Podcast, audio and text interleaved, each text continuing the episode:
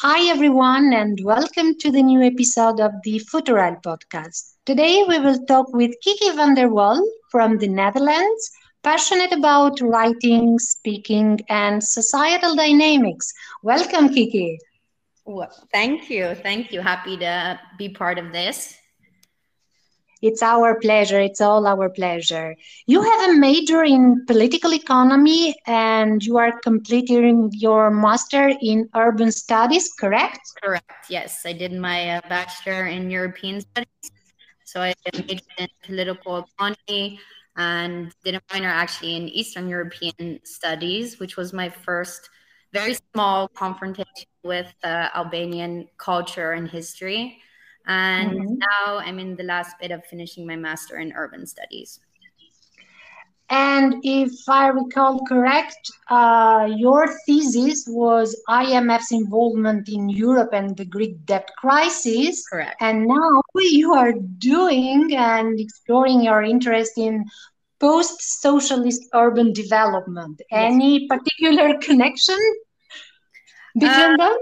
Between the two i mean i think it might just be my little bit of balkan blood that uh-huh. connects me to the region but um, the research that i'm doing now for my uh, master thesis was more of a chance uh, encounter actually it was inspired by ending up in tirana kind of spontaneously and mm-hmm. uh, yeah being very surprised at everything I saw and especially at how little I knew.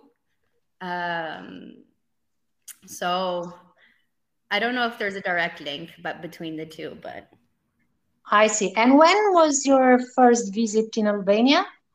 The first visit was in the summer of 2019 and I spent two days in Skoder and then I spent two days in Tirana and actually, immediately after leaving, I regretted not staying longer. I was left with these kind of a all these odd impressions that I had gotten uh, during that very short period, uh, which, yeah, eventually led to me going back the same year. In mm-hmm. December, I went back for 10 days. And then uh, finally, I went back in 2020 and stayed for, well, for almost 14 months, I believe. Hmm, interesting. And tell us a bit more about all these impressions while you were uh, visiting Albania and the relation with your master thesis. Well, I think that really the first thing that was very striking.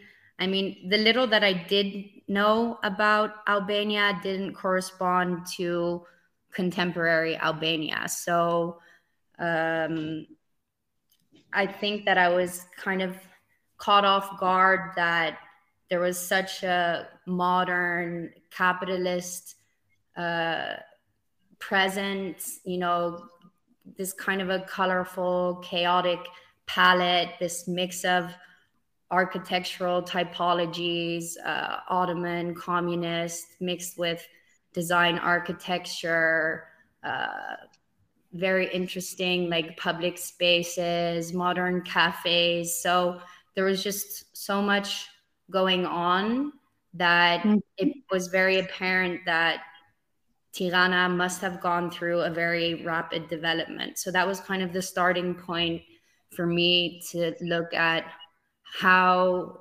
how has this um, this urban development been happening and that's when i found out that there's this very interesting kind of a relationship between creativity and urban transformation um, which of course is also linked to the political career of you know your current prime minister Edi Rama and mm-hmm. also knowing still the very you know persistent stereotypes there are about Albania in the West and in other places. Uh, it it's apparent that there are also very high stakes in you know the images that would circulate a, of a place uh, and how coming from this you know identity vacuum post socialism that the the physical environment of a city is very much related also to you know building these new identity structures and uh, senses of belonging. So to me it was all it was kind of the question how does it also correspond to the needs of its inhabitants? Like who are all these buildings being built for? How do and especially uh, younger generations relate to this to, to relate to this versus older generations who grew up in a completely different world and while you've been in Albania, you have been invited and discussed with lots of uh, youth representatives here. I've seen a tweet where you met with um, UN youth delegates and talked about Tirana Environmental Council. Yeah. Um, how do you describe Albania youth compared to European youth? Um, well, I think Albanian youth are European youth to start. um, and I think that maybe there's this sense of uh, eagerness and willingness to prove that we are also uh, we are not you know albanians i'm saying we because i almost feel like i am one right now but uh, the difference is not as big as what these uh, what mm-hmm. the stereotyping is making a lot of people believe who have no confrontation with any kind of a uh, history or uh, you know cultural information about Albania or the Balkans at large. So I think that the big difference is more in the the difficulties that Albanian youth encounter versus uh, me as a Dutch resident and a, a Dutch national, for instance.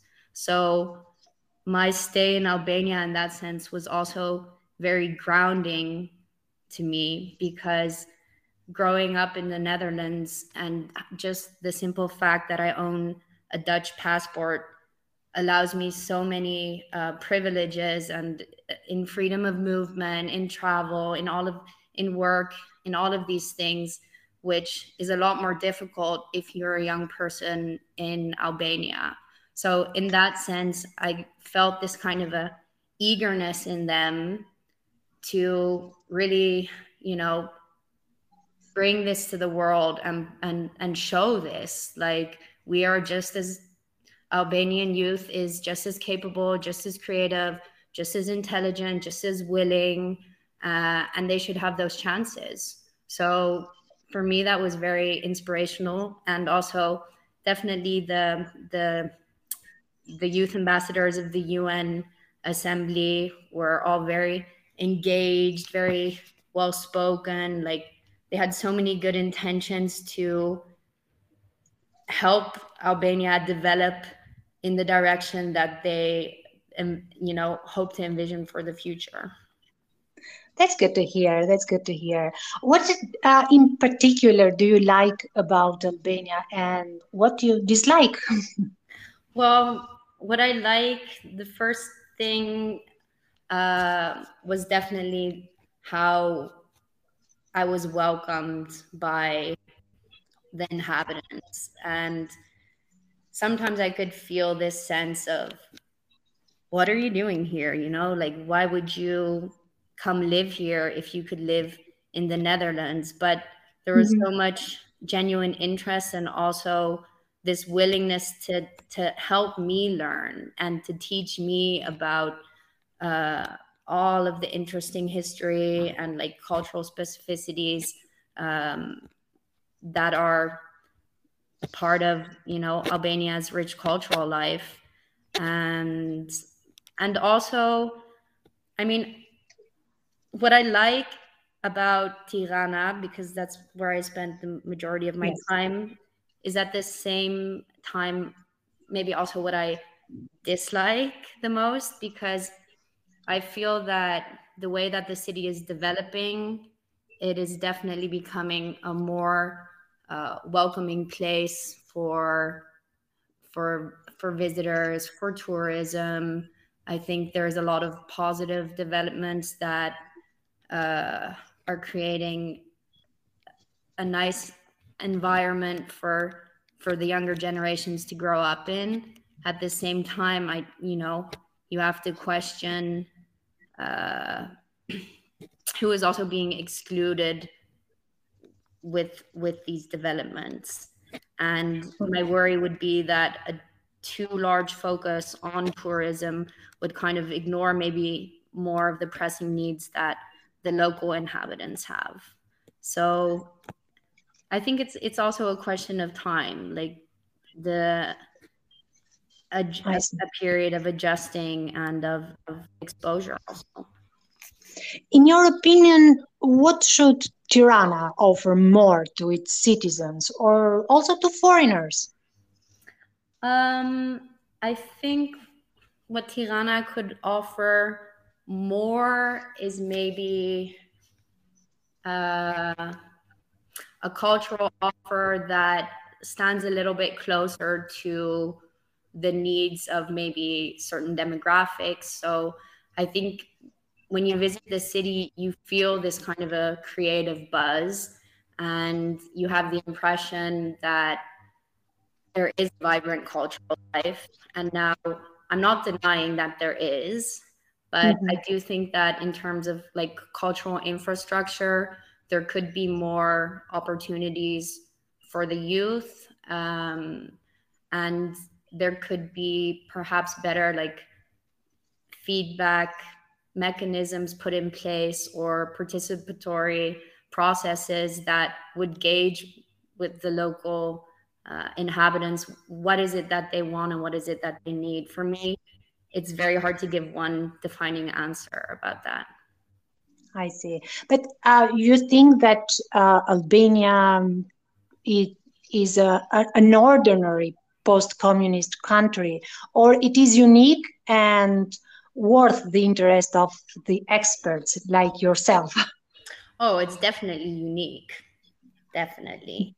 I mean, mm-hmm. you can see the processes that are uh, occurring in Albania that occur similarly in different uh, post-communist economies, like uh, this rapid, this building craze that came um, post post-communism is of course very easy to explain um, because it accompanied this this need for a new identity.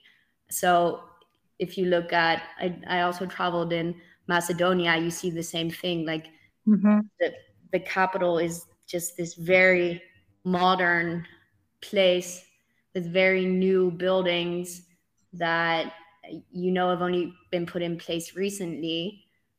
Um, but it has its very own history and it's like its own path dependency. So I think that Albania is is unique in the sense that uh, compared to other countries in the Balkans or Western Balkans, um, it was more on trend with global trends uh, at an earlier point than other com- in, than other countries. So Edi Rama's first interventions at the beginning of the 2000s very much echoed this kind of a trend in uh, global urban policymaking that was was definitely earlier than in other uh, com- uh, other countries in the region. And why, um, or I don't know if um, it might sound like a broader question, but why urban development is, is important in your opinions? And you are talking specifically about economic and cultural urban policies. Yes. For, for, for a country like, like Albania, a post communist country. Well, I mean, for, for Albania, Tirana is like, as one of the UN youth ambassadors um, described it himself, he's like, the Republic of Tirana. It's kind of this world uh, on its on its own almost that mm-hmm. is still distinct from a lot of the other cities, smaller cities uh, in Albania. In that sense, the development of those smaller regions is as important and shouldn't be overlooked by focusing all of your attention on a capital city.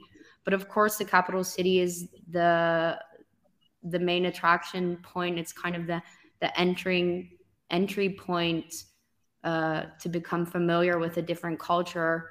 Uh, is it, it should reflect in some way what the country as a whole is about and as as you know like it's a global thing that cities are growing and uh, urbanization is increasing so there are a lot of uh, questions that that come with that and yeah. uh, city i mean cities are, are changing uh, and are totally in this transformational process. Yes. Definitely yeah. And we should cope also i mean making our cities livable for for our citizens and everyone else. Yeah that that's very very important. Um does Albania, in your opinion, have a distinguished urban lifestyle? I mean, talking now about its lifestyle. Tirana especially? Uh, yeah, I think what I noticed is that uh, there's a lot of life on the streets and outdoors. Like people love to be outside, to walk around. It's kind of, uh, in a way, uh, laid back coffee drinking culture, um, very amicable less rushed maybe than when I look at like Amsterdam, for instance, being here right now. Um, and and there's also just a very kind of a personal uh, element for to, to commerce also since there's not a lot of these huge um, chains that you would see elsewhere. Like a lot of the businesses are small businesses or like family owned businesses. So that brings a kind of a uh, familiarity to the urban experience, um, which is also something that I that I noticed about Tirana and Albania in general is that you really feel spending a, a longer period of time there that you can kind of become part of the culture in a way that is more personal uh, than would be possible in a, in a very uh, big city or even more like metropolitan area. Mm-hmm. When your thesis will be ready, or it is done already? Um, well, I have to hand it in in June, and it's just about finished. I'm just putting the the, the final touches on it now. Oh, congratulations! Are you planning to present it also in Tirana? Um, well, if this is an invite, I would love to present it. Definitely. I would be very interesting personally, but why not?